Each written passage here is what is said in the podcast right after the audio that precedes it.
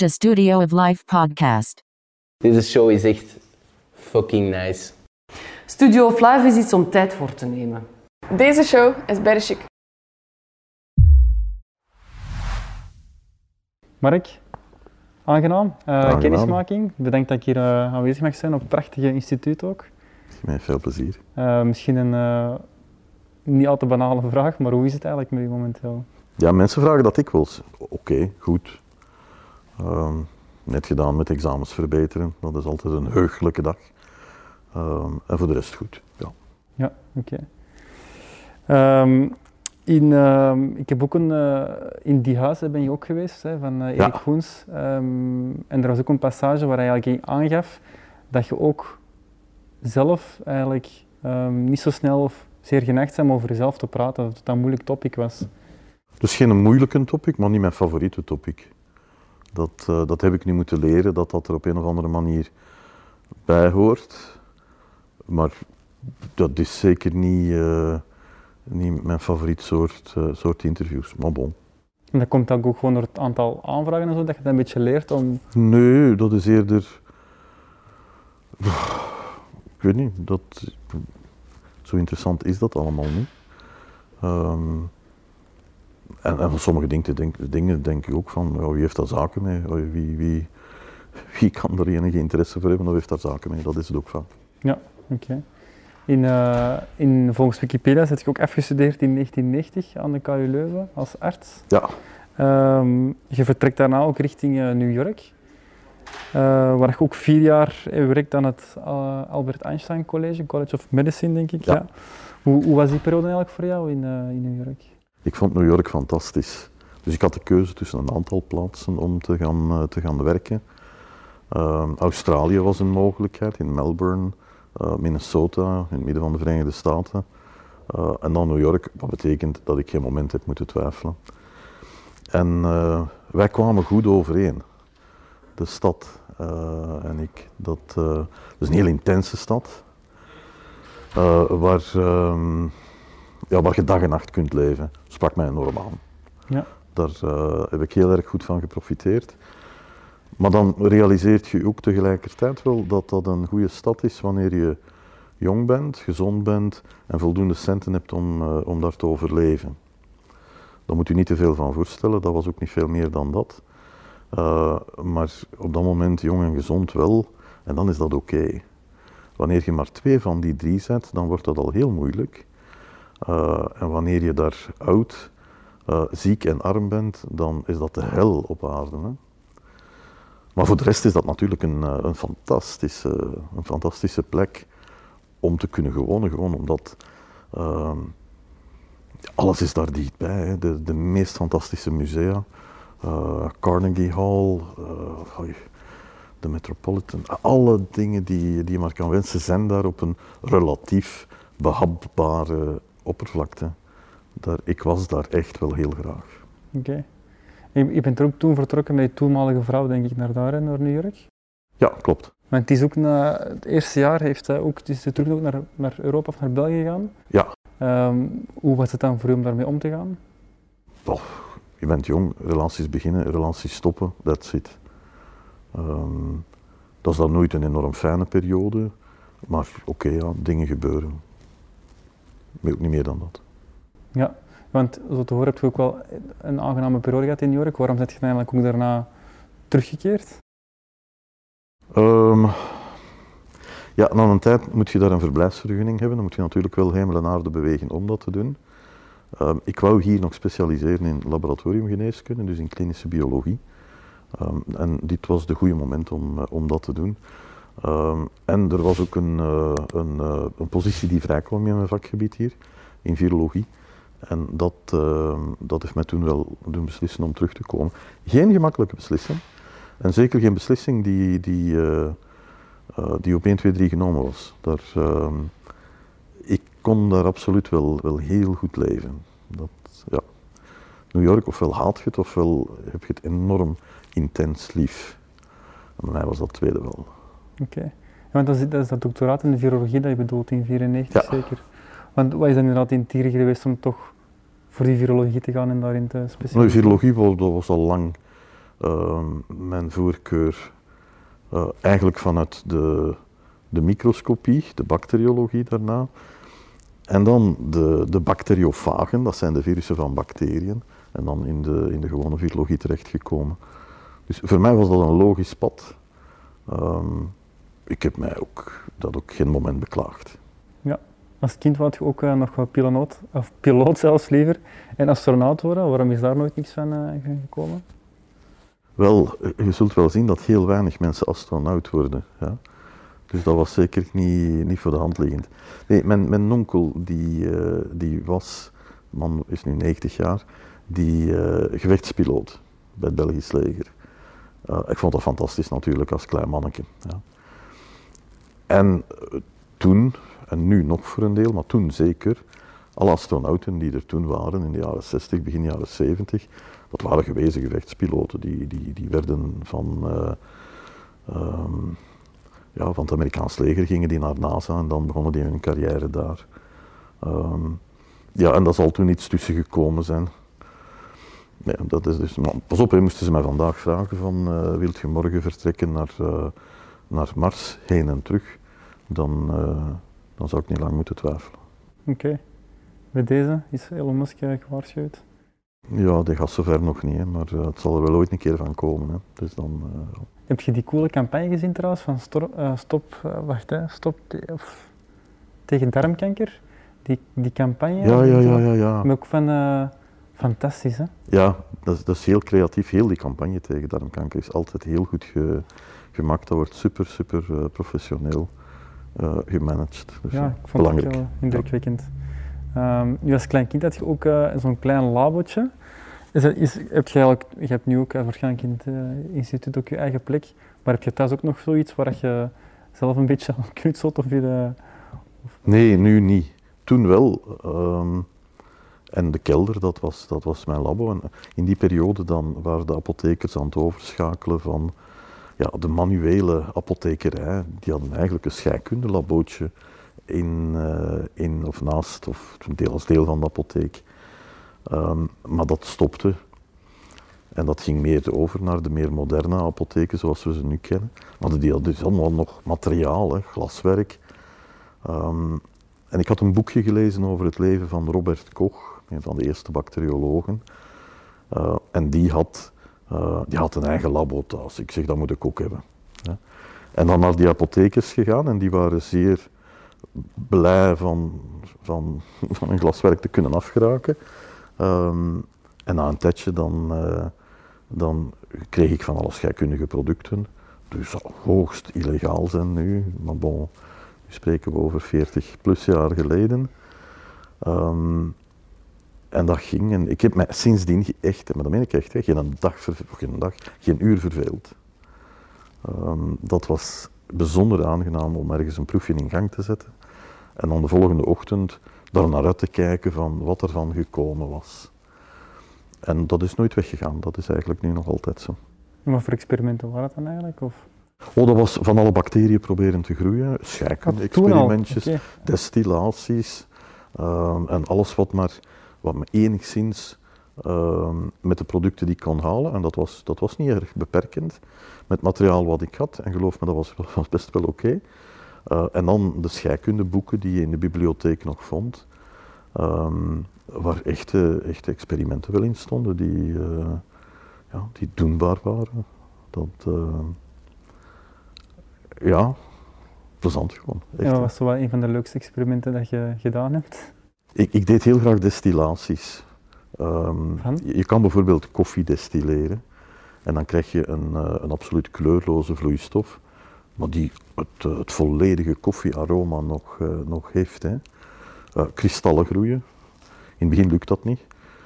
Wanneer je daar je een beetje op toelegt, dan kun je echt heel mooie kopersulfaatkristallen maken en, en gelijk wat.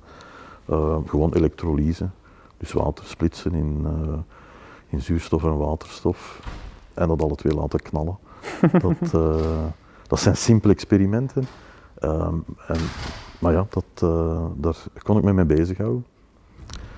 En dan een microscoop, eerst een slechte microscoop, dan een betere gekocht met mijn, uh, mijn zakcentjes. Ehm, en daar kon je dan ja, van alles de, de wereld van het kleine in zien. Hè. Uh, gaande van eencellig organismen die je in gelijk welk poeltje en vijvertje kunt vinden, uh, tot aan bacteriën. En dan merkte je, ja, de microscoop is wat klein daarvoor. En dan uh, in het vijfde middelbaar dan, ging ik naar een, het labo in Boom, in het ziekenhuis daar. En dat was een klinisch bioloog daar, een apotheker. En ik vroeg hem van, ja, mag ik hier werken en wat proeven doen hier, want mijn microscoop is niet zo goed als die van u. Um, en die man die zei ja. En een dag later dan zat ik bij de directeur van de kliniek voor die verzekering te regelen, want ja, dat moest toch allemaal wel in orde zijn, dat was oké. En dan een paar weken later dan kreeg ik de sleutel van het labo en dan kon ik daar ook s'nachts mijn experimentjes doen. Dus ik heb die mensen eigenlijk zeer veel te danken hoor. Dat, uh... dat is een leuke periode. Ja, absoluut. Ik had ook een hele begeesterende uh, leraar biologie. Uh, in, in het college, dat was Mark van Lindhout. Um, de apotheker was André Moors. Dat zijn levensbepalende figuren geweest. Je beseft dat niet op die moment zelf. Uh, alhoewel, je waardeert dat toch wel heel erg. Maar achteraf dan, dan denk je van, ja, dat is niet zo vanzelfsprekend als daar uh, een snotaap van 16 jaar aankomt. Die zegt van, ik wil in een labo werken. Dat, uh, dat op dat moment dat iemand dan zegt van, ah ja, hier, en, kom, ik zal het u tonen. En dan zit op weg. Dus je moet heel veel geluk hebben ook wel.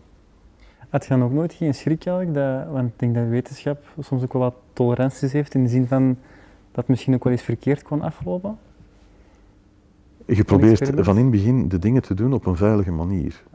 Dat, uh, dat zal in elk handboek zal dat altijd wel als eerste benadrukt worden. Um, en ik, ik, vind al die dingen heel plezant, maar uh, ik vind het ook plezant van twee ogen te hebben en, uh, en al, mijn, al mijn vingers nog. Dus in die zin, dan, dan probeer je met de kennis die je hebt, daar toch altijd zeer verantwoordelijk mee, mee om te springen. Dat wel. Ja, en experimenten op jezelf, zoals bijvoorbeeld dat stuk ook van het norovirus dat je jezelf hebt ingespoten. Ja, dat, nee, dat was niet ingespoten. Hè. Dat, dat, dat gaat wel wat verder gaan. Dat, dat, dat moesten opdrinken.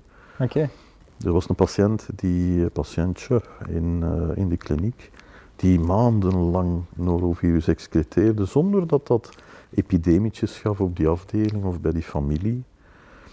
Um, wat ik niet wist, dat die dat allemaal al wel gehad hadden ondertussen, maar bon. Ik dacht van ja, dat is een, een, een stam die, die niet ziek maakt.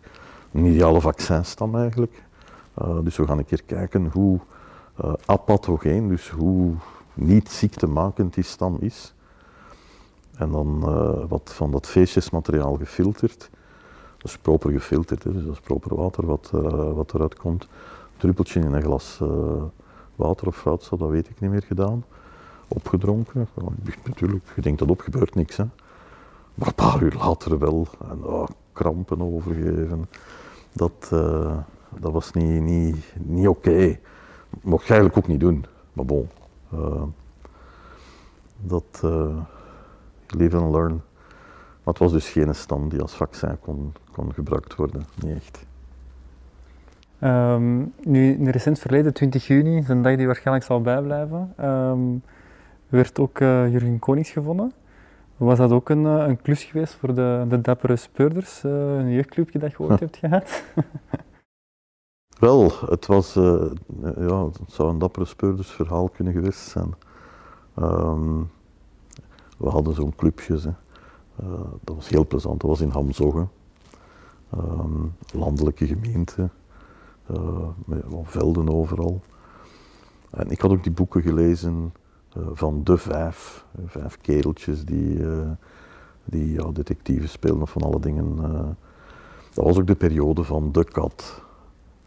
Ook zo'n reeks die, waar um, mensen voor het milieu vechten. En, uh, dat, inspireerde om, uh, om zo'n detectiveclubjes te hebben. De avonturen waren, waren niet zo spectaculair, moet ik zeggen, maar toch plezant. Ja, op, op 20 juni was je zelf ook jarig. Um, kan je misschien ook die dag eigenlijk beschrijven van, van, een, van die ochtend, wat er toen eigenlijk door je heen is gegaan allemaal? Wel, ik zat toen alleen in dat, in dat safehouse, dus de rest was al terug naar huis, al een paar weken. Ik vind dat niet erg van op een verjaardag eh, alleen te zitten. Ik hecht daar heel weinig belang aan. Dat is zeer vervelend, want dan, ik moet begrijpen dat andere mensen daar wel belang aan hechten. Ehm, en dat is, een, dat, is een, dat is een opgave. Maar zelf hecht ik daar geen belang aan. Dat valt ook altijd, of viel toen ik student was in een blok, of in de examenperiode beter, waar, waar, ja, waar ik meestal toch ook alleen op mijn kot zat. Dus dat, eh, voor mij is dat een dag zoals een andere. Dus bepaalt ook geen verdienste. Ja, dat betekent dat je weer een jaar bent blijven ademen. En dat op zich is natuurlijk wel leuk, maar dat dat nu echt één dag moet zijn, dat, mij maakt dat echt niet, eh, echt niet, uh, niet uit. En dan op een bepaald moment dan krijg je een telefoontje van, ja, oké, de man is gevonden. En een beetje later dan, ja, dan is het ook niet meer nodig om in dat safehouse te zitten en dan, dan ben je terug thuis. Wat nu ook niet bijzonder raar is, want uiteindelijk ja, was dat vijf weken. Dat is nu ook niet de, een periode waar niet, die niet overzienbaar is. Hè. Dus ja, dat was vervelend. zeker ook voor, voor Milo, 12 jaar. Hij heeft ook een paar weken daar binnen gezeten in dat safehouse. Dat is natuurlijk niet oké. Um, dat, dat, ja, het is natuurlijk dom dat dat op die manier moet eindigen met iemand die, uh, die zijn eigen leven neemt. Um, maar heel elegante oplossingen waren er ook niet, niet, echt, of in ieder geval na een paar dagen, dan zie je dat niet geweldig goed, uh, goed eindigen. Dat, uh, ja, dat is een heel bizarre periode. Nu, die man, um, je kunt proberen van te begrijpen van waarom, waarom doet zo iemand dat. Want ja, die heeft, uh, had ook kinderen. Um, en een relatie en gelijk wat. Dus wat maakt dat iemand zo ver gaat? Maar ja, dat gebeurt. Um, en, en, iedereen maakt in zijn leven wel af en toe rare dingen mee, maar op zo'n missies dan, dan zal dat zeker niet meevallen. En je kunt getraumatiseerd geraken, dat, dat is niet moeilijk om, uh, om dat te begrijpen. Ik had het veel moeilijker om te begrijpen dat in één keer 50.000 plus mensen dat een ongelooflijke held vonden, Um, maar omgekeerd ook vonden dat uh, ja, die 100% gelijk had dat, uh, dat, ja, dat hij mij zou doodmaken. Hè. Dat is zeer confronterend, want die 50.000 mensen, die bestaan natuurlijk. En hoe ver moet je heen zijn om, om dat iemand te gaan toewensen? Dat is bijzonder, bijzonder raar. Ja. Ja, hoe interpreteert je dat dan? Denk je, kunt je daarin inleven of zijn dat dan gewoon van die mensen die... Nee, daar kan ik me niet in inleven en die poging ga ik ook niet proberen van te doen. Ja. Uh, en ik heb daar vlugger een oordeel over klaar dan, dan over een Jurgen Konings, om het zo te zeggen. Dat, ik, ik begrijp nu veel beter de jaren dertig. Hoe met, met retoriek, hoe je mensen zo ver kunt brengen dat ze anderen, waar ze eigenlijk geen affaire mee hebben, gewoon gaan haten. Vele van die mensen worden echt, je dat gerust gebrainwashed uh, noemen, door groepjes zoals Viruswaarheid, Viruswaanzin, die buitenparlementaire onderzoekscommissie 2020, die op een heel normale manier um, tot de conclusie komen van ja, dat zijn wel heel grote misdaden tegen de mensheid gebeurd. En diegenen die daaraan meegewerkt hebben, die moeten zoals in het Nuremberg-tribunaal dan, uh, dan opgangen worden. Hè? En, en dat gebeurt op zo'n insidieuze manier dat die mensen meekrijgen, en dat zijn dan diegenen die, die dan actief zijn, of een deel daarvan is actief op sociale media, daar horen ze die verhalen ook, want mainstream is dat niet. Um, en en dat, dat, is heel, dat is heel confronterend. Dus ja, dat is, dat is bizar. Ja, snap je dat, dat mensen misschien een, een verhaaltje nodig hebben? Of ja, ja, om natuurlijk vast te wel. hangen, omdat ze anders wat controle misschien missen over de... Ja, dat is altijd geweest. Hè. Dus, dus altijd wanneer er nare dingen gebeurden, epidemie en hongersnood gelijk wat, dan, dan is er een hele hoge nood aan een zondebok. Nou, dat, is, dat is doorheen de geschiedenis is dat uh, heel veel keren gedocumenteerd. En dat zie je hier dan, uh, dan ook. Um, maar die mensen komen niet autonoom tot die conclusie. Dat is een, iets wat leeft in een, in een bepaalde bubbel. En dan, uh, en dan, dan ja, uiteindelijk leidt tot het identificeren van een zondebok. Maar tegelijkertijd ook uh, met, ja, dan die zondebok dan moet geslacht worden. Hè. En dan merk je de, de verruwing in de maatschappij, hoe dat dan met de meest lelijke woorden men, eh, men dat dan gaat, eh, gaat bekijken. Er was daar een advocaat, een advocaat, een, oprichter van, van Virus Waanzin, eh, Michael Verstraeten, die in, in het begin van het jaar heel normaal in zijn nieuwjaarsspeech ehm, ja, dan zegt van ja, die, virologen, eh, de doodstraf, hè, maar niet gewoon de doodstraf, eh, door een tribunaal te laten uitspreken, maar de doodstraf te voltrekken, publiek en op een gruwelijke wijze. Zodanig dat het ja, de bevolking wel zou leren. En dan denk je van, van, eh, van eh, zot, eh, zit, zit zoiets te vertellen daar. Hè? Maar ja, die man is advocaat, die begint nu weer een nieuwe rechtszaak tegen mij. Nul kans om dat te winnen. Maar ehm, op die manier dan houden ze u wel bezig. En dat is een verdienmodel zoals een ander. Hè. Dus zij steken daar geld in, ze gaan die rechtsplegingsvergoeding moeten betalen wanneer ze dat verliezen. Maar dat is voor hen geen probleem, want ze halen veel meer donaties op eh, door de heisa die ze daar rond kunnen verkopen dan, dan de rechtsplegingsvergoeding. Dus die, eh, dat is een verdienmodel zoals een, zoals een ander. Ja, die dingen houden natuurlijk wel niet af, maar dat komt dan nog wel eens nog eens bij je, je gewoon werk, zeg maar. Dat je nog al die dingen moet beantwoorden en... Ja, dat betekent dat je ja, aan een aantal hobby's dan niet toekomt. Maar je werk kunt je blijven doen, dat is het probleem niet. Eh, en dan is dat even je hobby. Hè. Ja, goed. Dat, ook die periode zal wel, zal wel weggaan. En nu krijgen die bewegingen nog enige tractie.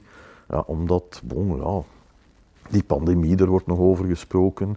Eenmaal dat die vaccinatiecampagne dat die, eh, een deftig einde kent, eh, dat virus meer en meer weggaat, eh, ja, dan, dan is de, de raison d'être voor die, voor die clubs is er dan ook veel minder en dan gaan die toch weer weg.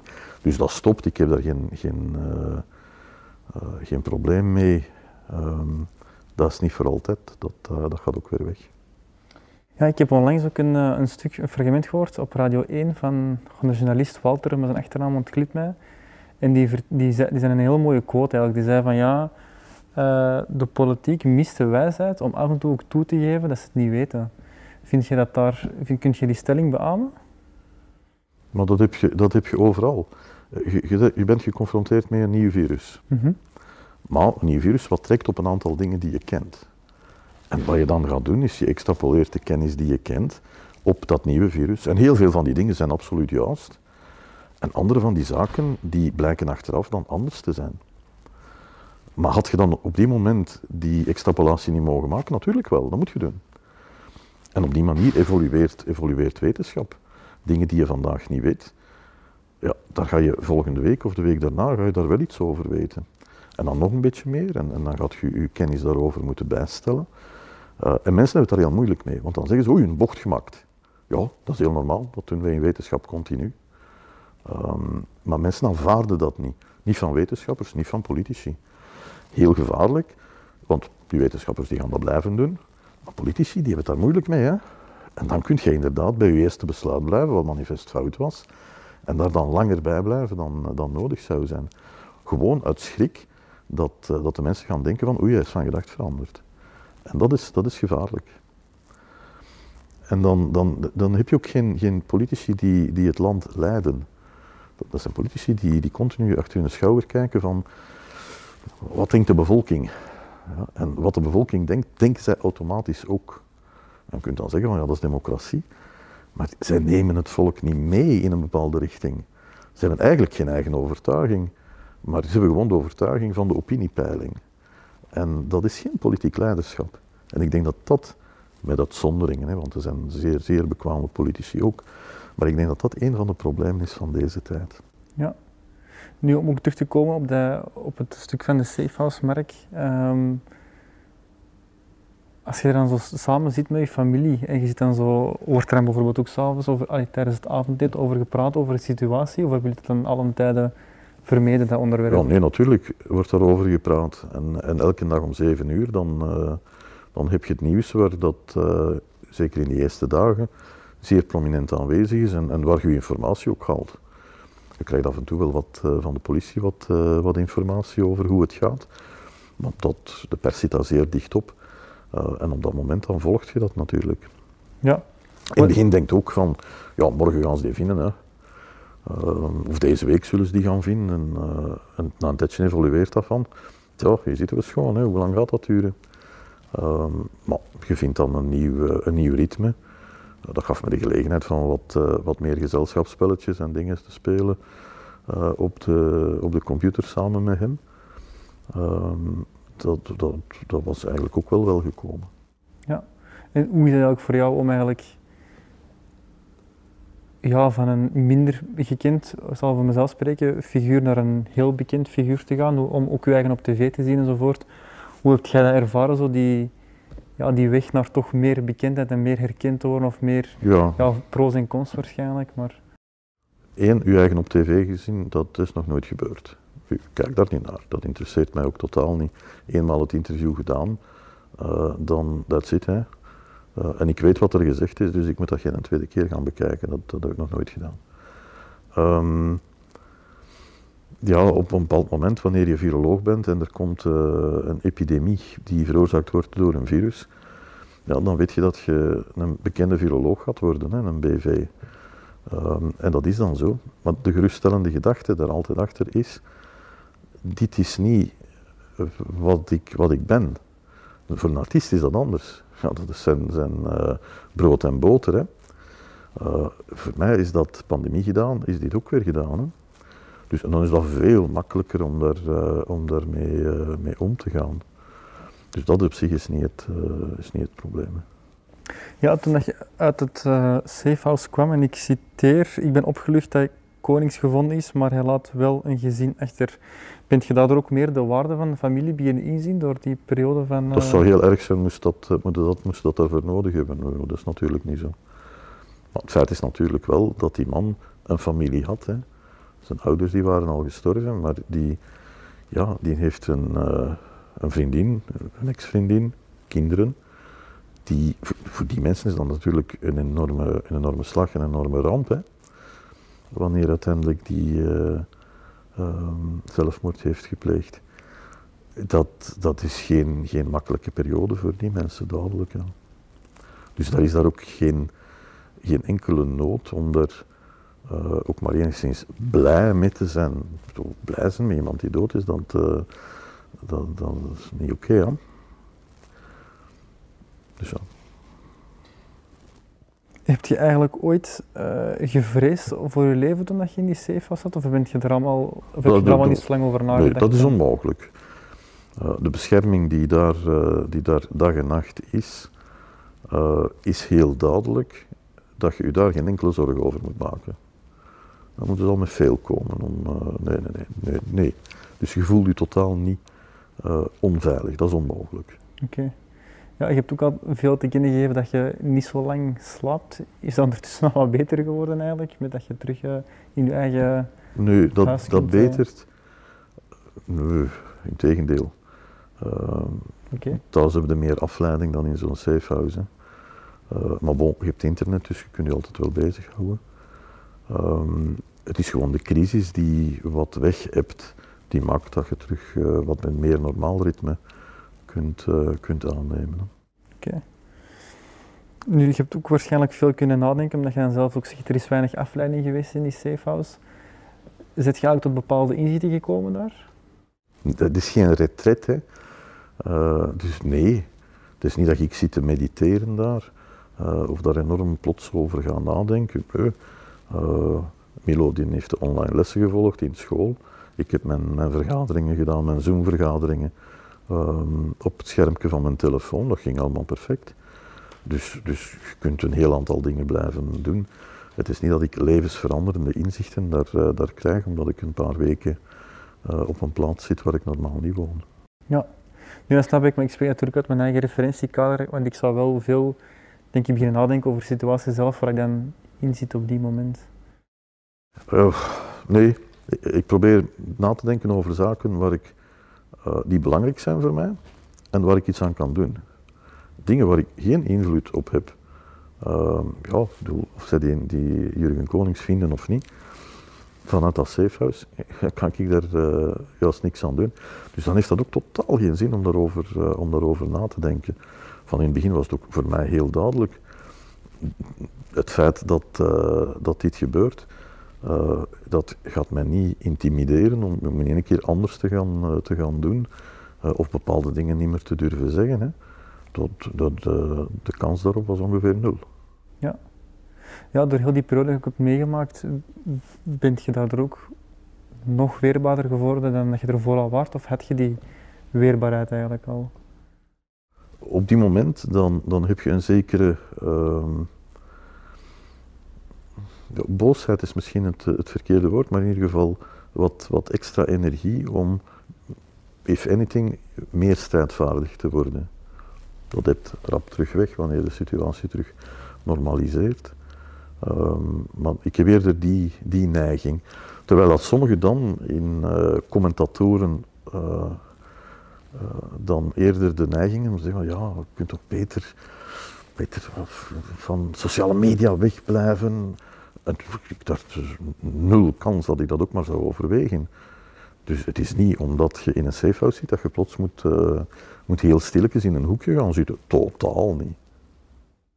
Ja, wat ik ook altijd wel vind, ik vind ook ergens bewonderenswaardig, Mark, aan u, is dat je heel veel kalmte altijd uitstraalt en dat er precies zo weinig u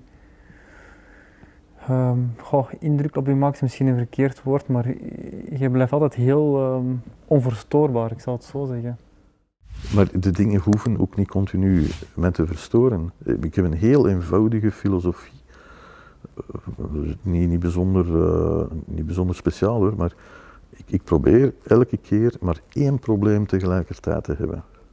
Dat is één doosje. En alle problemen, ik kan 10.000 problemen hebben, want die zitten allemaal in aparte doosjes. En er is maar één gouden regel. Er kan maar één doosje tegelijkertijd open zijn. En dan houd je bezig met dat probleem. En als dat opgelost is, dan, dan, gaat dat weg. Als dat nog niet opgelost is, dan gaat dat tekstel terug op en dat gaat terug in de, in de, de kast met alle problemen. En dan neemt je het volgende eruit. Maar altijd maar eentje. En dat maakt de dingen veel, uh, veel makkelijker. Ja, want als kind, dat geeft je zelf ook aangegeven, denk ik, in die, in die huis ook, word je veel onrustiger. Ja. Hoe komt dan dat ineens die shift toch is gekomen naar ja, toch een veel rustiger persoon of iemand die beter kan omgaan met uitdagingen? Ouder worden helpt daar. En eenmaal die filosofie van die doosjes, op, werkt wat training, hè? Um, om geen twee problemen tegelijkertijd te hebben. Of dat in ieder geval zoveel mogelijk te vermijden. Um, eenmaal dat je daar, um, dat je dat op die manier doet en traint, dan, dan, ja, dan is je maximumprobleem wat je hebt is één. Ja, dat kan iedereen wel, uh, wel aan, denk ik. Ja, als ik er zelfs over nadenk om één probleem te hebben, is wel heel uh, inderdaad geruststellend. Ja, en al de rest dat bestaat, maar dat beïnvloedt niet je leven op dat moment, want dat zit proper in een doosje. Oké. Okay. Um, ja, hoe, hoe, kijkt u, de vraag misschien is al een beetje gesteld, maar ik parafraseer, hoe kijkt eigenlijk uw familie ernaar dat je nu ja, op een plaats bent gekomen waar als je als persoon heel veel los uh, kweekt of brengt bij de mensen, zowel positief als negatief? Ik probeer hen daar gerust in te stellen, omdat er twee parallele uh, werelden zijn. Ja.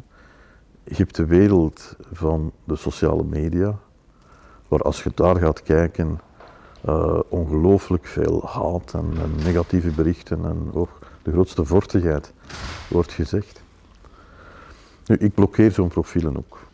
En wat dan heel opmerkelijk is, is dat wanneer een nieuwe dan weer komt, ja, en je zet daar weer de grootste vortigheid op over de Van Ranst, uh, en je kijkt dan, dat wordt dan geliked door, door 30 man, en je kijkt dan, wie heeft dat geliked? Ja, van die 30 heb ik al 28 geblokkeerd.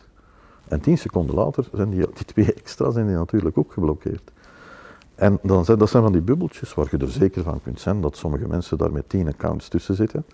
Met puur de missie van, uh, we gaan die proberen van zoveel mogelijk het leven zuur te maken. Maar dat is in dat bubbeltje, hè. En, en ja, daar word ik enorm gehaald. Maar dan komt je buiten. Of zoals gisteren in het vaccinatiecentrum. En alle mensen die zijn zo vriendelijk als ze maar kunnen zijn. Uh, en die steken hun duim omhoog. En, en er geen ene die, uh, die ook maar één kwaad woord zegt als ik hier op straat rondwandel. Ik kom die mensen van, eh, van sociale media daar niet tegen, hè, wat oké is. En een aantal daarvan zullen wel echt bestaan, eh, maar die, eh, die kruisen mijn pad niet. En eh, dat wil ik ook graag zo houden. Oké, in, in welk opzicht maken maakt uw familie zich dan zorgen? Wel, die pikken natuurlijk die sociale media dingen ook wel op. Of af en toe worden van die dingen, wordt er dan wel ergens in een krantenartikeltje iets geschreven. Je hebt een aantal krantjes, zoals het Paliterke en eh, hoe heet dat daar, Dag Allemaal, en het Scheld. Die, ja, die proberen die dingen dan mainstream te krijgen, zonder dat dat echt lukt. Maar wanneer je op de computer dan iets opzoekt, dan, eh, dan vinden die mensen dat wel terug. En dan zouden die dan denken van oei oei, amai, dat is hier in dichte weer. Nou, dat is niet waar. Dat is, ehm, ja, dat is riooljournalistiek. Eh, En dan moet je, je, herkent dat heel makkelijk. Ja, dat zijn maar een paar outlets die, eh, die dan doorverwijzen naar elkaar. Of ja, een politieke partij, Vlaams Belang, die dan daar, daar naar, naar verwijst. Ehm, en meer is dan niet. Maar bon, ehm, men, ehm, mijn mening over Vlaams Belang is goed gekend. En als, dat over, als die over de schreef gaan qua racisme of gelijk wat, dan, eh, dan confronteer ik hen daarmee. Ze vinden dat niet leuk. Ik begrijp dat ze dat niet leuk vinden. Maar als zij dan haat genereren bij hun achterban, dat betekent dat ze dan potentieel 25% van de mensen daarmee zouden kunnen bereiken. Zolang niet zo, maar bon. eh, zij geven soms die, eh, en graag die, die indruk. Ik, dat kan ik me niet echt veel aantrekken, maar bon. Ja, en geeft die omgeving misschien ook soms aan van ja, en dan heb ik het niet enkel over je familie, maar van ja, Mark, zou je niet misschien beter dit of zou je misschien niet beter dat Nee. doen? Nee? Nee. Oké, man, dat is goed. Dus dan eigenlijk echt gewoon volledig achter u als, eh, als persoon. Je- Want dat, dat, kan, dat kan twee dingen betekenen. Nee, nee, nee. Dat kan zijn dat ze akkoord zijn en achter u staan. Het kan ook zijn dat ze weten dat het toch niet helpt. dus dat, eh, dat, dat kan de twee richtingen wel zijn. Ja, waar ik het ook nog wel over hebben, dat hebben we de rest ook al even aangehaald. Hè, van, ehm, dat sommige media ook zeggen van ja, hè, Mark, zal je niet wat gematigder zijn? Ehm, het antwoord is nee. Ja, nee, nee, dat, Ja. ik, dat vraag ik niet. Hè, maar Ja. bijvoorbeeld ook Farouk Özgün heeft ook gevraagd van ja, hij heeft uw vrouw nog niet gevraagd of zou je zelf niet wat gematigder kunnen zijn. En ik vind ook wel ergens mooi dan ook aan u, Mark, dat je ondanks alles toch op een zekere zin bij jezelf blijft. Dat toch ergens bewonderenswaardig is van ondanks wat je meekrijgt van ja, je omgeving, oh, dat is ook een omgeving natuurlijk, journalistiek of journalisten soms, dat je dan ondanks dat toch nog altijd wel voet bij stuk kunt houden. Ook al, Ja. Wat Ik, be- ik begrijp dat zij zijn. die vraag moeten stellen. Hè. ja, Dus journalistiek is dat eh, eh, een interview is, is, geen, eh, is geen lofbetuiging. Hè. Een interview, dat, dat kan best wel pittig zijn. En dus dat zij die vragen stellen, daar heb ik niet echt een, een probleem mee. Maar verwacht dan geen tranerig antwoord van mij. Wanneer een journalist mij vraagt, zoals dat gedaan heeft, van hebt u een boodschap voor, voor meneer Konings? Oh, dan moet ik zeggen, nee, waarom zou ik een boodschap hebben voor, voor meneer Konings? Eh, nee, dat eh, totaal niet. Of hebt u een boodschap voor de vrouw van meneer Konings? Ja, ook niet. Ehm, ik gun een ieder zijn eigen problemen en ik ga daar niet tranerig over doen. Nu hebben we het er net ook al even off camera over gehad, over die bedreiging die je soms krijgt. Hoe gaat je daar als mens eigenlijk mee om? Met die, ja, met die stroom eigenlijk zelfs, jammer genoeg, aan eh, Ja, actief. Ehm, als ik ook maar enigszins kan achterhalen, en meestal duurt dat maar 15 minuten voor ik die mensen hun schoenmaat ken, ehm, wie dat is dat die bedreigingen uit, dan gaat, dat, eh, gaat die klacht naar de respectievelijke politiezone. Ja, dat vergt wat tijd om dat elke keer die paparasserij te doen, Ehm, maar gelukkig gaat de politie dan wel een hartig woordje daarmee spreken. En indien het Openbaar Ministerie eh, of de procureur vindt van oké, er moet verder iets mee gebeuren, dan, eh, dan hebben die een rechtszaak aan hun broek die zij verliezen. Hè. Dus dat, dat, eh, dit mag niet. Vrijheid van meningsuiting. Eén, dat betekent niet dat je mensen niet mag blokkeren. Als, dat mag men één keer doen en dan niet meer. Omdat ik vind, die sociale media-accounts van mij, dat is, mijn voorhoofd. Hè. En als er mensen willen uh, hun behoefte doen op mijn voorhoofd, dan moeten ze dat geen twee keren doen. Dat is gedaan. Maar die mogen hun mening uiten. Hè. Het is alleen dat ik die niet meer wil horen. Want dat heeft niks met vrije meningsuiting te maken. En dat moet men goed snappen. En ten tweede, vrije meningsuiting stopt bij bedreigingen. Dat is geen vrije meningsuiting. Dat zijn bedreigingen en dat is strafbaar, moet je niet doen. Dus en daar, uh, als ik ze zie, want ja, er gaat een groot deel zijn wat mij totaal ontgaat. Maar bon, kan be bothered dan. Maar als ik ze zie, dan, dan geef ik ze consequent aan. Oké. Ja, kun je ook nog inbeelden wanneer je eerste zeg maar, bedreiging hebt gekregen? Want ik veronderstel dat je voor die periode van het virus, uh, van corona, niet echt, allee, hoop ik, veronderstel Maar jawel, jawel natuurlijk wel. Dan, dan kwam dat, en dat komt altijd uit dezelfde extreemrechtse groep. Oké, toch, ook al. Oh, dat is al 30 jaar zo. Okay. Dat, uh, mijn houding daar tegenover is niet veranderd. Ja, er komen wat meer en ze zijn frequenter. Uh, en sociale media geven mensen een soort van, ja, het idee dat ze anoniem zijn en dat dat allemaal kan en dat je op sociale media kunt schrijven ongeveer wat je wilt, dat is niet zo. Uh, dus ja, dan moet je toch altijd wat oppassen. En bedreigingen zijn, zijn duidelijk een, uh, een brug te ver daar. Ja, doen die bedreigingen eigenlijk u nog iets als persoon, omdat je er ja, zoveel krijgt ook op dagelijkse helaas basis? Dat is een deel van, van een realiteit op dit moment. En dat zal ook weer terug verminderen. Um, en dat is, ja, dat is uh, wanneer je dat ziet, dan zucht je en denkt van oké, okay, hier ga ik een uur werk mee hebben. Hè. Dat is het. Kunt je hey, um, ook ergens begrijpen misschien, Mark, van waar dat die reacties ook komen, dat je denkt van ik snap misschien ergens een bepaalde frustratie die dan zo wordt geuit, of heb je al over nagedacht hoe dat eigenlijk ook kan, dat mensen zich zo scherp uiten over een persoon? Ik, ik, ik begrijp zeer goed dat mensen een bepaalde situatie niet aangedaan vinden. Mm -hmm. Als dat iets zelfs begint te regenen en ik moet daardoor in mijn hemdje, ja, dan vind ik dat vervelend, want ik word nat. Maar ik heb voldoende verstand om te weten dat, ja, dat die regen van boven komt en dat zit en dat je daar niet te veel aan kunt doen. Terwijl sommige mensen die gaan dan kwaad worden op de weerman die zegt van het is slecht weer. Hè. En dat verschil niet kunnen maken, dat, dat kenmerkt een aantal mensen. Um, en ja, bon, als je dat allemaal niet snapt, mij niet gelaten, maar uh, ja, bedreigingen, dat kan dan niet. Dat is, dat is een, een, meer dan een brug te ver. Ja. Maar ik kan begrijpen dat de situatie, en zeker tijdens een lockdown, dat dat voor veel mensen zeer, zeer ingrijpend, dat is het voor iedereen, bedreigend kan zijn. Uh, voor hun job, voor hun zaak, daar heb ik absoluut geen enkel probleem mee, uiteraard niet, om dat, uh, om dat te begrijpen. Maar dan mensen dan u verantwoordelijk gaan stellen voor hun miserie, uh, er gewoon abstractie van maken dat er inderdaad wel een virus eronder doet, ja, dat, dat is één zaak. Dat je dan nog die persoon nog een keer gaat bedreigen, dat is van een totaal andere orde. Ja, ja, ik vind het altijd heel moeilijk om daarin ook in, in te... Ik probeer dat vaak ook iemand zijn leefwereld in te geraken, maar dat je zover kunt komen dat je toch iemand... Oh. Ja, ik denk misschien, misschien beseffen soms ook mensen, denk ik misschien, als ik dan zo vrij mag zijn, de impact niet van de woorden dat ze misschien overbrengen soms? Dat, wel, wanneer je iemand massamoordenaar noemt, dat je dan niet beseft dat dat niet oké is, dan, dan ben je ver weg. Hè? Die mensen verdienen alle hulp, hè? Dat, uh, dat ga ik niet ontzeggen. Maar ik ga niet hun een therapeut aanspelen. Dat, dat is niet, ik ben daar niet voor opgeleid, ik heb die... Uh, die kennis niet. Ja. Wat ik me ook soms afvraag, is dan ook niet een beetje...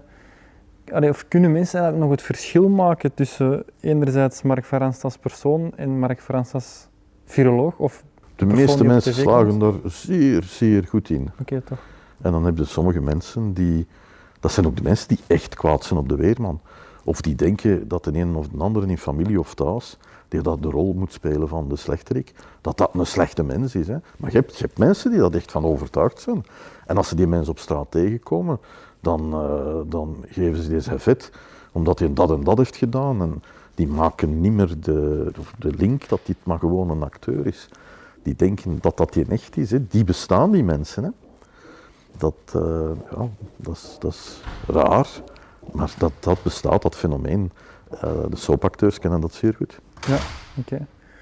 Nu, ehm, eh, we leven altijd in, in tijden van corona.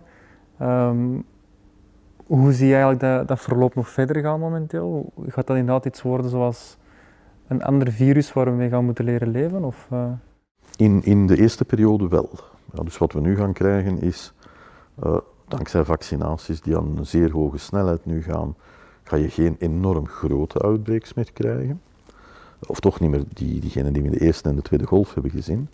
Maar er zullen nog wel verheffingen komen wanneer iedereen terugkomt van vakantie. Dat kan bijna niet anders dat eh, tegen het begin van het schooljaar dat dat wel terug omhoog gaat. Deels daardoor, deels, deels waarschijnlijk ook gewoon door de seasonaliteit van dat virus. Maar dan hoop je dat de meest zwakken dat die dan beschermd gaan zijn, of toch zo goed mogelijk. Ehm, en dan zit je heel dicht bij een situatie die we kennen met griep. Ehm, waarbij elk jaar een paar honderd tot een paar duizend mensen in ons land eraan sterven. En waar er wereldwijd ja, een half miljoen ongeveer aan sterft. Ehm, en we proberen die zo goed mogelijk in de ziekenhuizen op te vangen. Diegenen die heel erg ziek worden. En een deel daarvan geneest, een deel daarvan niet. En, en we leven daarmee. We mogen niet in de verleiding komen om te denken dat we dat volledig kunnen wegkrijgen. Of dat we griep volledig kunnen wegkrijgen. Ja, we, kunnen dat, hè. Vorig jaar is er geen griep geweest. Waarom? We geven geen handen, we hebben mondmaskers aan, we houden afstand. Uh, dat werkt zeer goed tegen griep. Maar gaan we elk jaar datzelfde uh, gaan doen?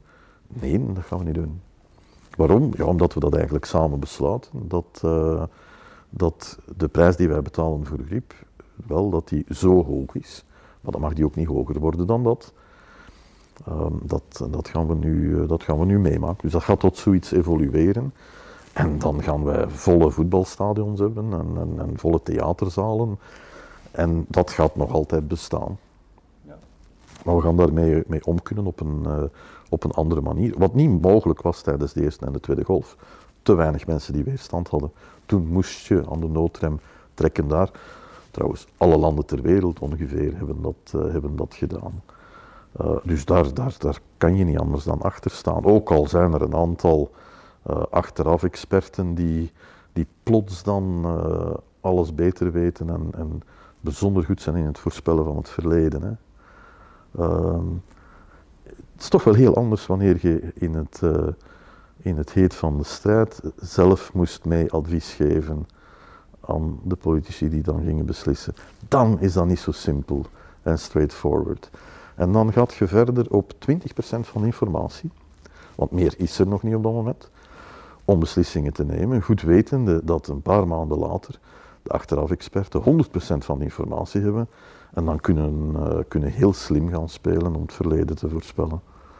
En dat, uh, dat is onvermijdelijk. Hè. Dus je hoeft daar niet ambetant of kwaad over te worden. Dat is gewoon zo. Dat is bij elke crisis zo.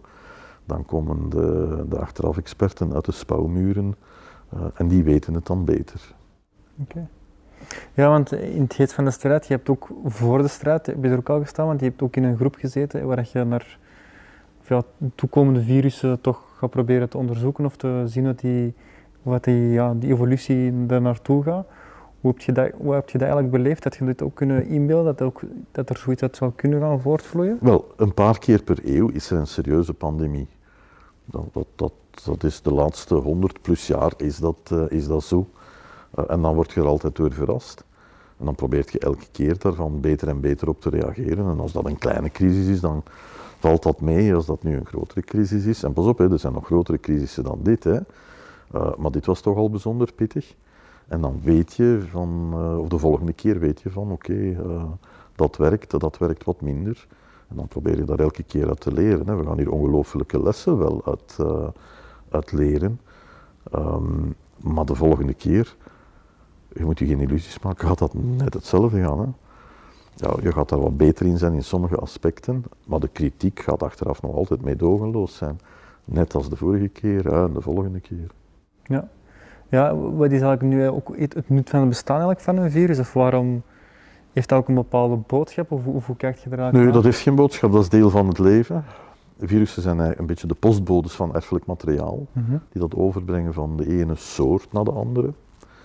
Uh, maar dat heeft geen, geen bedoeling De bedoeling is, van, het eigen genetisch materiaal te vermenigvuldigen, zoals alle andere vormen van leven die bedoeling hebben. Dus die zijn deel van, uh, van ja, ons bestaan. Um, en dat mag je heel letterlijk nemen. Ons, ons erfelijk materiaal, dat bestaat voor het grootste deel uit oude retrovirussen dan. Um, en die hebben genen achtergelaten, die dan weer van ergens anders kwamen. Die maken dat wij kleurenzicht hebben, die maken dat wij een, uh, een placenta, een moederkoek kunnen maken. Uh, en dus placentaire zoogdieren zijn geworden. En, en, waarschijnlijk nog een heleboel andere dingen dat we nu nog niet doorhebben. Dus die maken, uh, of die, dat zijn dus gewoon deel van de evolutie van, uh, van de soorten. Um, het is ook de meest verspreide levensvorm op de planeet. Dus, maar je moet je dan niet afvragen van wat is het nut daarvan. Het nut is zichzelf vermenigvuldigen uh, en evolutie mee verder, uh, verder drijven. Oké. En daarna is ook, je zegt dan ook dat je, dat je ook bepaalde adviezen hebt gegeven met 20% van de kennis hè, op die moment. Ja. Um, hoe werd eigenlijk onthaald door de politiek eigenlijk? Stond die er ook voor te, te wachten? Of hebben die, allee, de virologen of de mensen die daar analyseren ook mee, met nodige ja, respect of aanzien behandeld? Daar hebben we geen enkel klagen van. Uh, zeker niet in de beginperiode, toen waren de politici, wanneer er slecht nieuws te brengen was, um, dan heeft men dat vlot aan de virologen overgelaten. Oké, dat is, uh, geen, op zich is dat geen probleem. Um, naderhand, wanneer de druk van de bevolking groter wordt naar versoepelingen, ja, dan wordt dat vervelend. Hè, wanneer dat toch een viroloog zegt van, hm, toch maar oppassen. Dat is de reden geweest dat we die tweede golf in dusdanige grootte hebben uh, gehad. Waarschijnlijk hadden we die nog verder kunnen uitstellen, kleiner kunnen houden. Op dat moment waren wij aan het, uh, aan het waarschuwen van er komt een tweede golf, er komt een tweede golf. En toen ging men net nog verder versoepelen en zei van nee, doe dat niet. En uiteraard, achteraf komt dan die tweede golf. En dan, ja, dan, dan is dat een beetje vervelend voor, uh, voor diegenen die dan aan het versoepelen waren. Maar die vinden daar ook een uitleg voor. Um, en zo probeer je altijd met de heel beperkte invloed die je hebt, uh, toch zoveel mogelijk, zoveel mogelijk goed te doen. Maar goed doen betekent soms ook ingrijpende maatregelen nemen waarvan je weet dat een deel van de mensen ook al besef je 100% dat het nodig is, maar je weet dat een aantal mensen zeer grote kritiek gaan hebben en dat absoluut niet, uh, niet fijn gaan vinden. En het niet doen is geen optie. Dus je gaat dan moeten leven met, met de kritiek en met, uh, met de boze mensen. En dat is, politici krijgen dat ook. Alle virologen hebben dat ook gekregen, dat was niet enkel uh, voorbehouden voor mij. En, en voor velen is dat dan nieuw. En dan, dan, dan, dan schrikken ze er natuurlijk van. Um, ja, dat, uh, de intensiteit heeft mij deze keer ook verbaasd.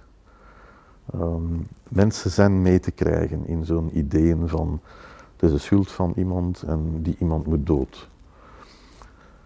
Ja, dat is in het verleden nog gelukt om, uh, om daar uh, mensen in mee te krijgen wij gaan nu veel beter begrijpen wat, wat men meemaakt in de jaren dertig.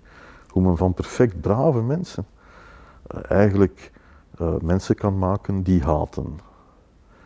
En af en toe dan, wanneer er zo'n zo'n zo'n forte bedreiging weer eens langskomt, dan, of, of zelfs gewoon forte commentaar, dan ga je kijken en dan zie je op dat Facebook-profiel maar de meest lieve opa met zijn kleinkind staan. Hè? waar dat je van denkt, dit komt van u, je meent het. En ja, blijkbaar is dat dan, uh, is dat dan zo. Ja, kunt je ook ergens um, ja, begrijpen waarom dat misschien mensen misschien voor meer ja, alternatieve ja, informatiebronnen kiezen dan, dan voor diegene dat ze gewend zijn om te kiezen? van waar dat wantrouwen misschien vandaan komt? Of? Ja, natuurlijk. Dat mensen worden op die manier opgehitst tot... Door? Door? Door die alternatieve bronnen en antivaccinatiegroepen en zo verder. Uh, die hebben vrijheid van meningsuiting, maar dat heeft een prijs. En die prijs is dat de grootste onzin wordt, uh, wordt verspreid. En voor elk van die, uh, die onzin vind je wel een paar klanten. Dat, dat, is, dat is gegarandeerd zeker. En op den duur dan krijg je toch wel een hele speciale band met de werkelijkheid. Ja, dan gaan die mensen echt denken van, ja, dat, dat eh, dingen die manifest onwaar zijn, ja, die geloven daar dan toch echt in. Hè. Dat is, ja, dat is raar, maar je, je kan daar heel weinig tegen, eh, tegen doen. Dat is een heel sterke, voor hen heel sterke waarheid. Eh, hun waarheid dan. Dat heeft geen enkele link met de realiteit meer. Maar dat maakt hen niet meer uit.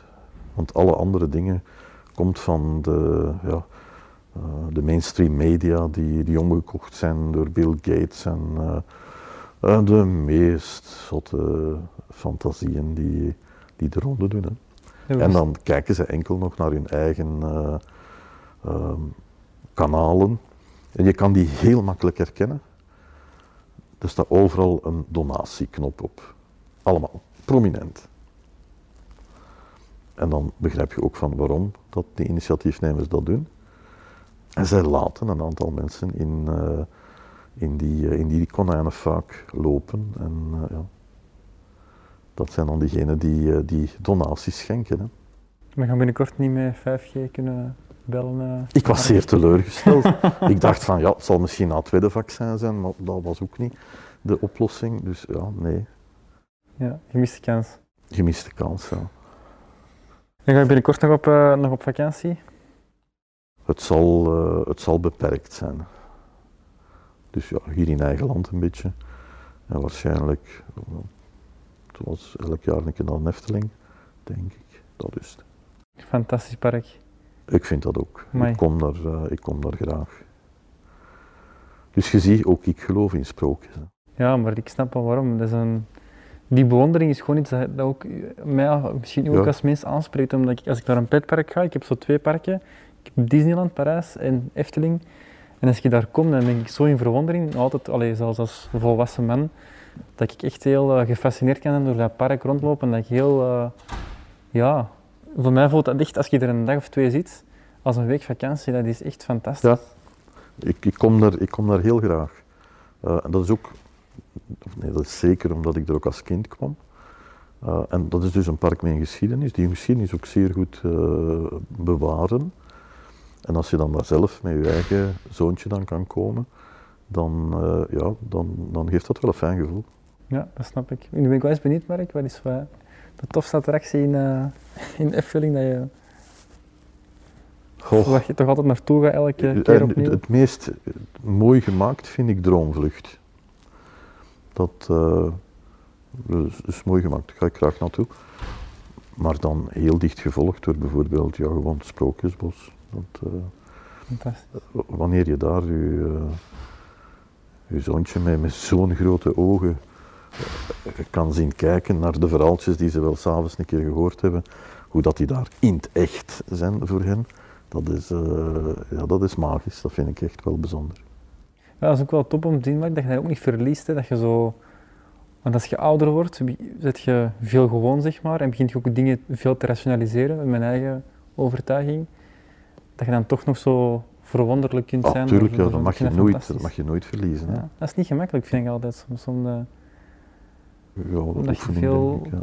ja, dat de wereld nogal vrij ra rationeel is, soms wat ook goed is, dat ook zijn deel nodig heeft, maar Ja, maar je moet ook toelaten dat er plaats moet zijn voor, voor inderdaad voor die verwonderingen.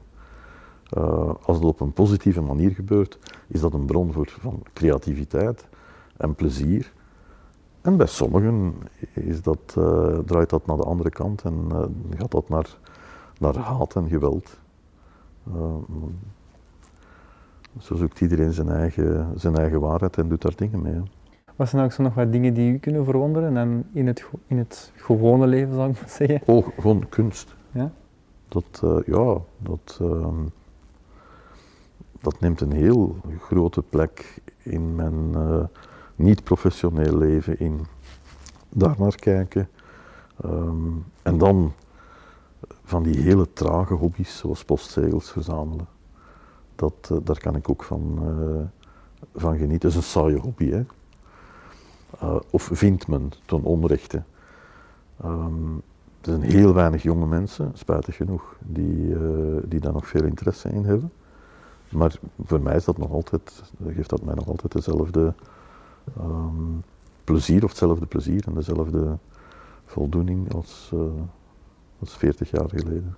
Wel, Mark, leg, het- leg het mij misschien dan eens uit. Wat is het dan net die postzegels verzamelen zo speciaal maakt? Of zo leuk of zo aantrekkelijk?